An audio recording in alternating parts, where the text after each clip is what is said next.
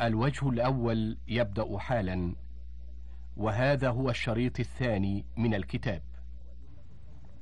وجملة القول أن التفريق بين المسلمين باختلاف المذاهب والآراء وتعصب كل شيعة لمذهب منها في الأصول أو الفروع هو من أكبر الكبائر الثابتة بنصوص الكتاب والسنة القطعية المجمع عليها ولا شيء منها بقطعي مجمع عليه.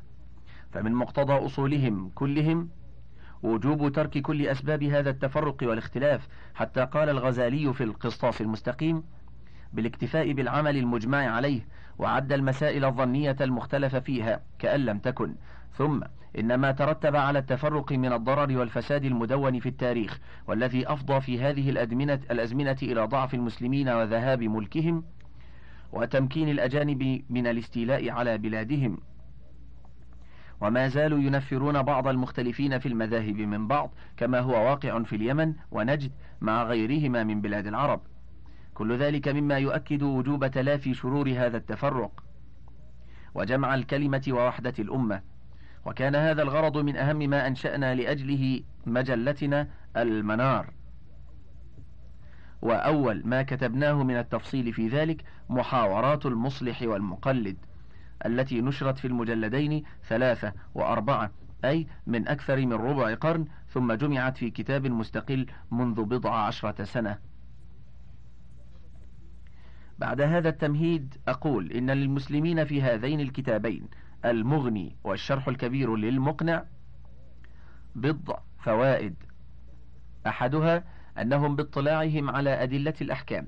يكونون على حظ من البصيرة في دينهم كما وصف الله تعالى رسوله وأتباعه بقوله قل هذه سبيلي أدعو إلى الله على بصيرة أنا ومن اتبعني ثانيها أن المتلقي لأحكام دينه من فقه أي مذهب من المذاهب المدونة يخرج باطلاعه على أدلتها في الكتابين من ربقة الجمود على التقليد المحض المذموم في القرآن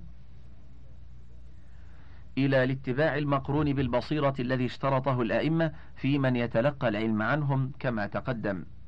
ثالثها أن من اطلع على أقوال أئمة السلف وعلماء الأمصار أصحاب المذاهب المختلفة وأدلتهم عليها بالطريقة التي جرى عليها صاحب المغني وتلميذه صاحب الشرح الكبير من احترام الجميع وتقديم الإقدام في التاريخ على غيره في الذكر غالبا يكون جديرا باحترام جميع العلماء وجميع المذاهب وعدم جعل المسائل الخلافية سببا للتفرق أو التعادي بين المسلمين ولا للتفاضل المفضي إلى ذلك.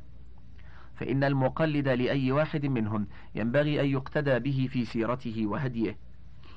رابعها أن يعلم أن من أدلتهم ومداركهم ما هو مستند إلى نصوص الكتاب والسنة القطعية أو الظنية. وما مستنده القياس أو الاستنباط من القواعد العامة أو الخاصة بمذهب دون مذهب كالمصالح عند المالكية وغيرهم والاستحسان عند الحنفية. وبهذا يعلم غلط من زعم أن المسلمين استمدوا أحكام المعاملات من القوانين الرومانية. ومن زعم أن جميع ما يذكر في كتب الفقه هو من شرع الله المنزل على رسوله صلى الله عليه وسلم.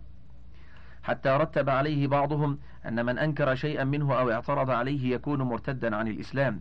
وفي بعض هذه الكتب أن من عمل عملا يعد في العرف إهانة لشيء من هذه الكتب أو لورقة فتوى عالم يحكم بردته ويقتل إذا لم يتب. ولا يصلى عليه ولا يدفن في مقابر المسلمين ولا يرثه أولاده لأنه أهان شرع الله ويلزم منه كذا وكذا.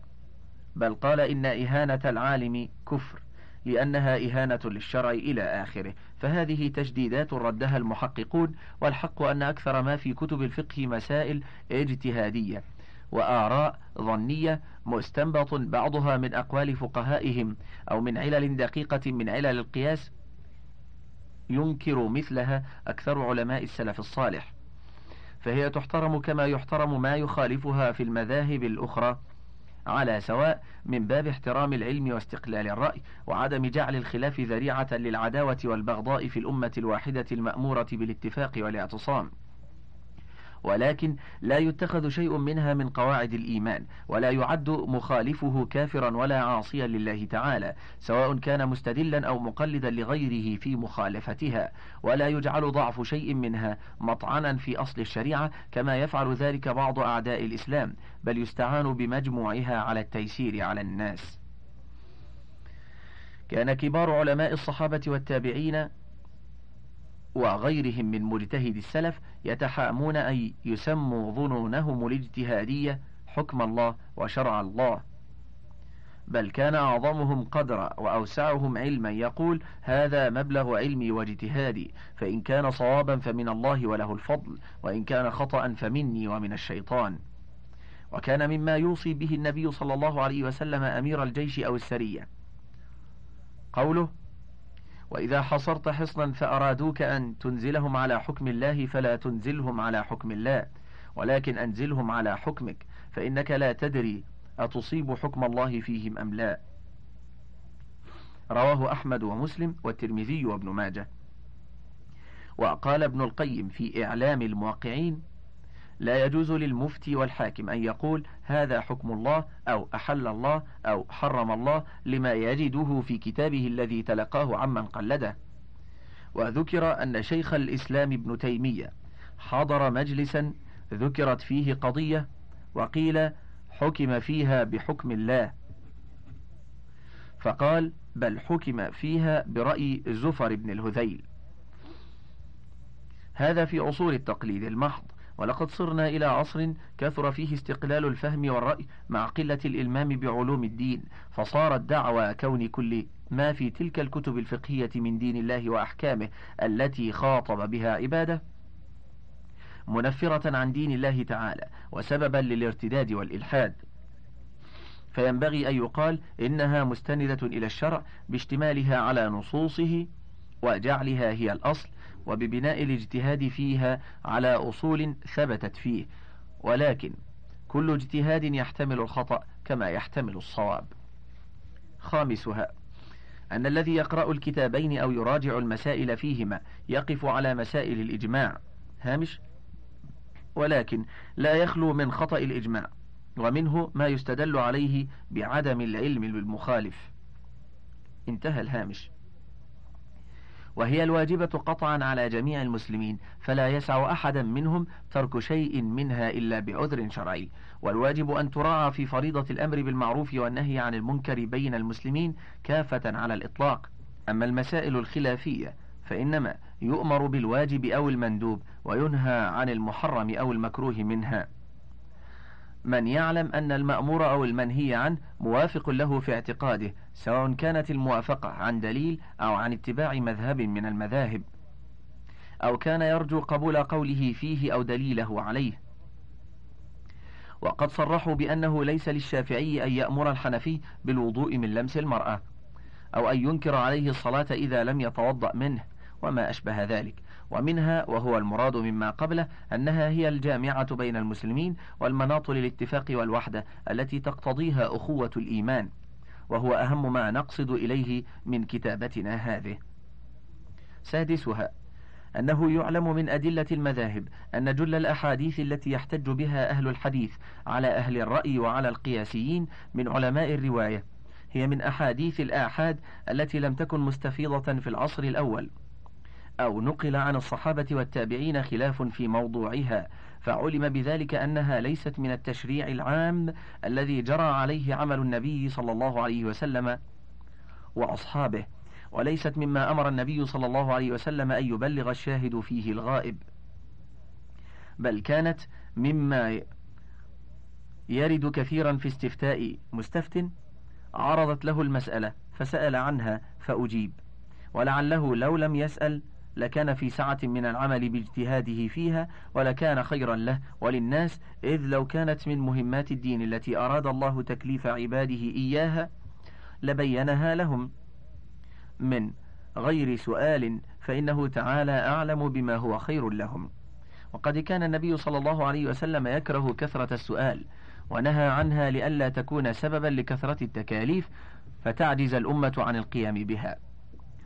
ولهذا قال صلى الله عليه وسلم دعوني ما تركتكم. إنما أهلك من كان قبلكم كثرة مسائلهم واختلافهم على أنبيائهم. فإذا نهيتكم عن شيء فاجتنبوه وإذا أمرتكم بأمر فأتوا منه ما استطعتم. رواه الشيخان من حديث أبي هريرة ورواه الدار قطني من وجه آخر وقال فنزل قول الله تعالى يا أيها الذين آمنوا لا تسألوا عن أشياء إن تبد لكم تسؤكم.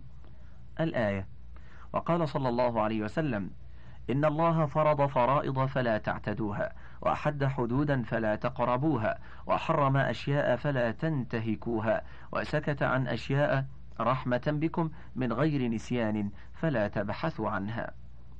رواه الدار قطني عن أبي ثعلبة الخشني مرفوعا. وحسنه الحافظ أبو بكر السمعاني في أماليه والنووي في الأربعين وله شواهد في مسند البزار ومستدرك الحاكم وصححه وغيرهما. وفوق كل هذا قول الله تعالى اليوم أكملت لكم دينكم وأتممت عليكم نعمتي ورضيت لكم الإسلام دينا. ومن الجهل الفاضح والجناية على الدين أن تهمدم هذه القواعد والأصول القطعية بأقيسة من ظنون الرأي والقياس. وقد ثبت أن النبي صلى الله عليه وسلم كان يجيب كل مستفت بما يناسب حاله وأن بعض فتواه كانت رخصا خاصة أو عامة ومن ذلك أنه رخص لعقبة بن عامر ولأبي بردة بن نيار بأن يضحي بالجذع أو العتود من المعز. وهو ما رعى وقوي وأتى عليه حول. وقال الجوهري وخيره ما بلغ سنة والحديث متفق عليه. والجمهور ومنهم الأئمة الأربعة يمنعون التضحية بالجذع من المعز ومنه على قول حديث طلق ابن علي أنه سأل النبي صلى الله عليه وسلم الرجل يمس ذكره عليه وضوء؟ فقال صلى الله عليه وسلم له إنما هو بضعة منك. رواه أحمد وأصحاب السنن الأربعة والدار قطني وصححه بعضهم. واختلفوا في التصحيح والترجيح بينه وبين حديث بسرة عند الخمسة أيضا من مس ذكره فلا يصلي حتى يتوضأ والمحققون من أهل الحديث على ترجيح حديث بسرة وأما العمل فقد روي الخلاف فيه عن بعض كبار الصحابة والتابعين وأهل البيت وعلماء الأمصار وحمل الشيخ عبد الوهاب الشعراني الحديثين في ميزانه على مرتبتي التخفيف والتشديد أي العزيمة والرخصة. هامش أي العزيمة الموافقة لحال أحدهما والرخصة المناسبة لحال الآخر. انتهى الهامش. كما فعل في جميع مسائل الخلاف وعلل ذلك بعلل. بعضها منقول وبعضها لا يعرف مثله إلا عن جماعة الصوفية ككون سؤر الكلب يقسي قلب من شربه أو شرب من الإناء الذي ولغ فيه قبل غسله سبع مرات. إحداهن بالتراب. وقد وافقه علماء عصره في مصر على قاعدته في إرجاع جميع مسائل الخلاف إلى المرتبتين. وكون أصلها كلها مستمدة من عين الشريعة على نحو ما فيه توجيه الكثير منها من البعد. ولعله لرضاهم عن بناء ذلك على الاعتراف بأن جميع الأئمة المجتهدين على هدى من ربهم. وهذا حق من حيث أن المجتهد إذا أصاب كان له أجران. وإذا أخطأ كان له أجر واحد كما ورد في الحديث الصحيح. ولكن لا يمكن أن يكون كل اجتهاد صوابا وهدى. وكل قول قاله المجتهد حقا. أما العزائم والرخص في الشريعة فحق لا ريب فيه. وفي الحديث المرفوع إن الله يحب أن تؤتى رخصه كما يكره أن تؤتى معصيته. رواه أحمد وابن حبان والبيهقي وصححوه وهو عام وليست العزائم للخواص والرخص للعوام إلا من حيث الخلق والطبع لا الشرع. نصوص الكتاب والسنة في الطهارة والنجاسة. الصفحة التاسعة والعشرون. وأظهر المسائل في قاعدة الشعراني ما يدخل في أبواب الطهارة.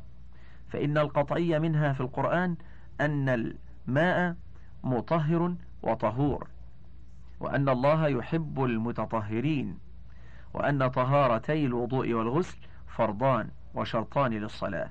وقوله تعالى وثيابك فطهر وقوله في القرآن لا يمسه إلا المطهرون وأن التيمم واجب عند استعمال الماء لفقده أو للمرض وقفة هامشية للقارئ.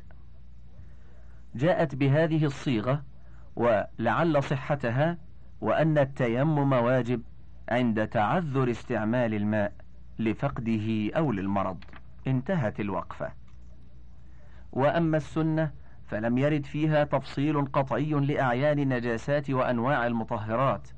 وكان الأعرابي يجيء من البادية فيسلم فيعلمه النبي صلى الله عليه وسلم بنفسه أو يأمر أصحابه بتعليمه ما أوجب الله عليه من الوضوء والغسل والتيمم وأركان الإسلام. وحديث الأعرابي الذي هو عمدة جميع الفقهاء في تحديد أركان الإسلام مشهور. ولو كان هنالك نجاسات حكمية تطهيرها تعبدي تتوقف معرفتها على نصوص تفصيلية خاصة لنقل عن النبي صلى الله عليه وسلم وأصحابه تلقينها للأعرابي وأمثاله كسائر قواعد العبادة التي كان يتعلمها كل من أسلم ويبلغها الشاهد, الشاهد الغائب كما كانوا يعلمونهم الوضوء والغسل والصلاة. مثلا ولم تترك النصوص المجملة الواردة في الطهارة وطلب النظافة بغير بيان تفصيلي. والذي يفهمه أهل لغة الشرع من ذلك الإطلاق هو طلب التنزه عن جميع الأقذار والتطهر مما يصيب البدن أو الثوب أو المكان منها ليكون المؤمن نظيف الظاهر بقدر ما يتيسر له حسب حاله واجتهاده كما يجعله الإيمان نظيف الباطن. فالنجس في اللغة هو المستقذر الذي تنفر منه الطباع. ولفظ النجس لم يرد في القرآن إلا في قوله تعالى إنما المشركون نجس فلا يقربوا المسجد الحرام. الآية. والمراد به النجاسة المعنوية لا الحسية إلا في قول للشيعة. وورد لفظ الرجس في تسع آيات. أكثرها قطعي في الرجس المعنوي واحتمال الحسي في موضعين منها. أحدهما قوي وهو قوله تعالى قل لا أجد فيما أوحي إلي محرما على طاعم يطعمه على طاعم يطعمه إلا أن يكون ميتة أو دما مسفوحا أو أو لحم خنزير فإنه رجس. أي الخنزير أو كل ما ذكر. وثانيهما ضعيف جدا وهو قوله تعالى إنما الخمر والميسر والأنصاب والأزلام رجس من عمل الشيطان. أما قوة الأول في الخنزير فلأنه كثير التتبع لأكل الأقذار دائما فهو تعليل لتحريم أكله دائما كتحريم الجلالة ما دامت تأكل القذر لا دائما. وأما ضعف الثاني فلأن لفظ رجس خبر فلأن لفظ رجس خبر عن الخمر وما عطف عليها وهو لا يوصف بالنجاسة قطعا. ولتفسيره في الآية بأنه من عمل الشيطان يوقع بينه يوقع به العداوة والبغضاء ويصد عن ذكر الله وعن الصلاة. ولأن الخمر غير مستقذرة عند العرب ولا غيرهم. وأما فتاوى النبي صلى الله عليه وسلم فقد ورد فيها هذان اللفظان في الاستعاذة وفي لحم الحمر الأهلية وفي وصف الروث بأنه رجس وفي رواية ركس. وهو تعليل لكونه لا يصلح للاستنجاء به. وورد إن المسلم لا ينجس حيا ولا ميتا وإن الماء طهور لا ينجسه شيء. صححه أحمد. وقيده الجمهور بعدم التغير بالنجاسة. وبعضهم بحديث إذا بلغ الماء قلتين لم يحمل الخبث. وسئل صلى الله عليه وسلم عن دم الحيض فأمر بحته وقرصه ونضحه أو رشه بالماء. وهذا حديث متفق عليه. وفي حديث آخر غسل الثوب منه بماء وسدر. وورد أن طهور النعلين من الخبث دلكهما بالأرض وأن طهور كل أديم جلد دباغه. وقال صلى الله عليه وسلم في الميتة إنما حرم أكلها. رواه الجماعة عن ابن عباس مرفوعا إلا ابن ماجه. واستدل به من لا يقول بنجاستها. وورد غسل الثوب من المني الرطب. وتنحيته بأذخرة أو غيرها. وفركه إذا جف. واستدل بهما من قال بطهارته. وفي حديث أم سلمة إني امرأة أطيل ذيلي وأمشي في المكان القذر. فقال لها صلى الله عليه وسلم يطهره ما بعده. رواه الأربعة وصح الاستنجاء من البول والغائط بالحجارة وما في معناها. وهي لا تزيل العين كلها ولا الأثر. والأمر بغسل العضو من المذي لمن سال عنه وينضح الثوب بالماء من بول الغلام الذي لم يأكل الطعام. ولما لم يجد العلماء نصوصا قطعية في أعيان النجاسات والمطهرات غير أمثال هذه الأخبار الآحادية اختلف اجتهادهم في فهمها بما نلخص أهمه بالإجمال. المذاهب في النجاسات والمطهرات. قال الإمام ابن رشد الحفيد الأندلسي في بداية المجتهد ما نصه. وأما أنواع النجاسات فإن العلماء اتفقوا من أعيانها على أربعة. ميتة الحيوان ذي الدم السائل الذي ليس بمائي.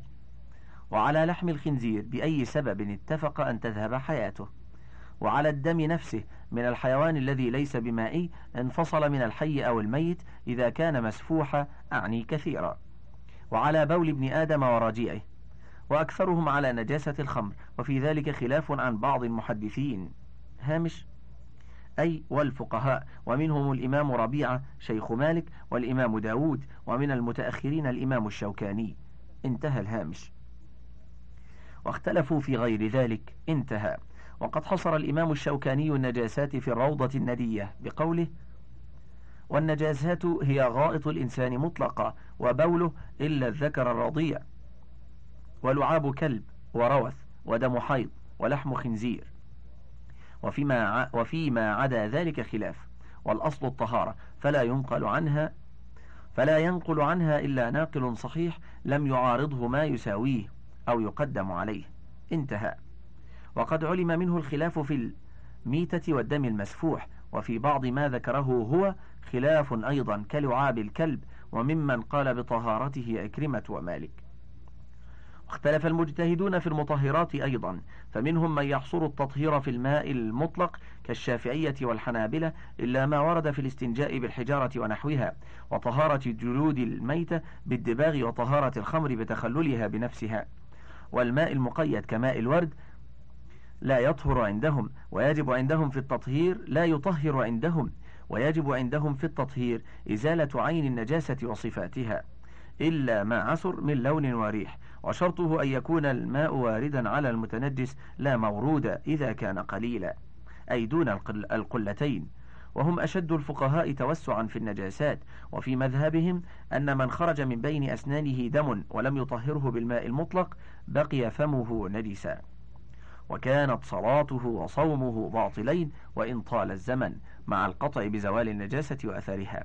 ولو كان الصحابة يتطهرون من الدم لتواتر عنهم إذ كانوا في حروب متصلة ولم يكن لأكثرهم إلا ثوب واحد. وقال الشافعي بالعفو عن النجاسة التي لا يدركها الطرف كأثر رجل الذبابة. وقال الحنابلة بل لا بد من غسل ما تقع عليه وإن لم يرى أثره.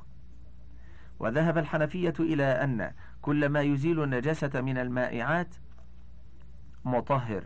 وكذا صقل الجسم الصقيل كالسيف والزجاج. وكذا الشمس والهواء والنار. وما يسمونه انقلاب العين كالصابون من الزيت النجس. على خلاف في بعض الفروع. وهؤلاء نظروا إلى مراد الشارع من الطهارة وهو يحصل بذلك. قال في بداية المجتهد إن المسلمين اتفقوا على أن الماء الطهور يزيل النجاسة وعلى الاستنجاء بالحجارة واختلفوا فيما سوى ذلك من المائعات والجامدات التي تزيلها. فذهب قوم إلى أن ما كان طاهرا فهو يزيل عين النجاسة مائعا كان أو جامدا في أي موضع كانت. وبه قال أبو حنيفة وأصحابه ثم ذكر ما وقع من الجدال بين الحنفية والشافعية في المسألة وكون إزالة النجاسة تعبديا أو معقول المعنى. واضطرار الشافعية إلى القول بأن في الماء قوة شرعية في رفع أحكام النجاسات ليست في غيره وإن استوى مع سائر الأشياء في إزالة العين وأن المقصود إنما هو إزالة ذلك الحكم الذي اختص به الماء لإذهاب عين النجاسة بل قد تذهب العين ويبقى الحكم. قال فباعدوا المقصد وقد كانوا اتفقوا مع الحنفيين على أن طهارة النجاسة ليست حكمية أعني شرعية ولذلك لم تحتج إلى نية. إلى أن قال في هذا المعنى وإنما يلجأ الفقيه إلى أن يقول عبادة إذا ضاق عليه المسلك مع الخصم. فتأمل ذلك فإنه بين من أمرهم في أكثر المواضع. انتهى. أقول ومن الغريب أن الذين قالوا بأن أحكام النجاسة وإزالتها تعبدية أدخلوا فيها القياس كقياسهم بدن الكلب وشعره على لعابه وقياس الخنزير على الكلب في كونه يغسل مما أصابه سبع مرات إحداهن بالتراب. وكان الحامل لهم على هذا التشديد في أمر النجاسة. القول بوجوب إزالتها. وجعله شرطا لصحة الصلاة وهذا محل خلاف أيضا. قال في بداية المجتهد وأما الطهارة من النجاسة فمن قال إنها سنة مؤكدة فأبعد أن يقول إنها فرض في الصلاة ويجوز, ويجوز ألا يقول ذلك. وحكى عبد الوهاب عن المذهب أي مذهب مالك قولين أحدهما أن إزالة النجاسة شرط في صحة الصلاة في حال القدرة والذكر والقول الآخر أنها ليست شرطا. والذي حكاه من أنها شرط لا يتخرج على مشهور المذهب من أن غسل النجاسة سنة مؤكدة إلى آخره. وقد استقصى الشوكاني في نيل الأوطار كل ما استدلوا به على اشتراط الطهارة من النجاسة في صحة الصلاة. وبين أنه ليس فيه شيء يدل على الشرطية ولكن قد يدل بعضها على وجوب إزالتها. قال وكون الأمر بالشيء نهيا عن ضده مذهب ضعيف. وبين مطلق الوجوب والشرطية بون بعيد. انتهى. وجملة القول أن القطعي المجمع عليه هو أن الطهارة مطلوبة شرعا وأن المفروض منها هو الوضوء والغسل من الجنابة والحيض والنفاس بالماء والتيمم عنهما عند فقد الماء أو التضرر باستعماله. وأن مراد الشارع منها النظافة مع مراعاة اليسر وعدم الحرج كما قال تعالى بعد آية المائدة ما يريد الله ليجعل عليكم من حرج ولكن يريد ليطهركم. وإزالة النجاسة أولى بهذا ولذلك ترك تفصيل أمرها لاجتهاد الأمة فاختلف اجتهاد علمائها بما ذكرنا المهم منه مجملا. فنظر بعضهم إلى أكمل ما يحصل به مراد الشارع كالشافعية والحنابلة وبالغوا فيه. ونظر بعضهم إلى أدنى ما كلفته الأمة وأيسر ما يطلب من بدوها وحضرها وغنيها وفقيرها كالمالكية. وتوسط بعضهم فشددوا في بعض الفروع وتساهلوا في بعض كالحنفية. وقد تقدم أن الأئمة لم يكونوا يعدون اجتهادهم تشريعا عاما تكلفه الأمة كما تكلف العمل بنصوص الكتاب والسنة القطعية الرواية والدلالة. ولا سببا للتفرق في الدين وأن بعض مقلدتهم شددوا وعسروا وجعلوا اختلافهم نقمة لا رحمة. حتى قال بعض متفقهة هذا العصر بنجاسة كل ما دخلت فيه مادة مادة الفول الكحول أو سبيرتو من أعطار وطيوب وأدهان وأدوية. وهي كثيرة جدا عمت بها البلوى في الصيدليات والطب والصناعات وشبهتهم أن هذه المادة هي المؤثرة في الخمور المحرمة. وفاتهم أنها هي المؤثرة في كل المختمرات المحللة بالإجماع كخميرة العجين أيضا. على أن هذه المادة أقوى في من الماء في التطهير وإزالة عين النجاسة وصفاتها كما شرحناه في مواضع من المنار. انتهى الوجه الأول فضلا اقلب الشريط.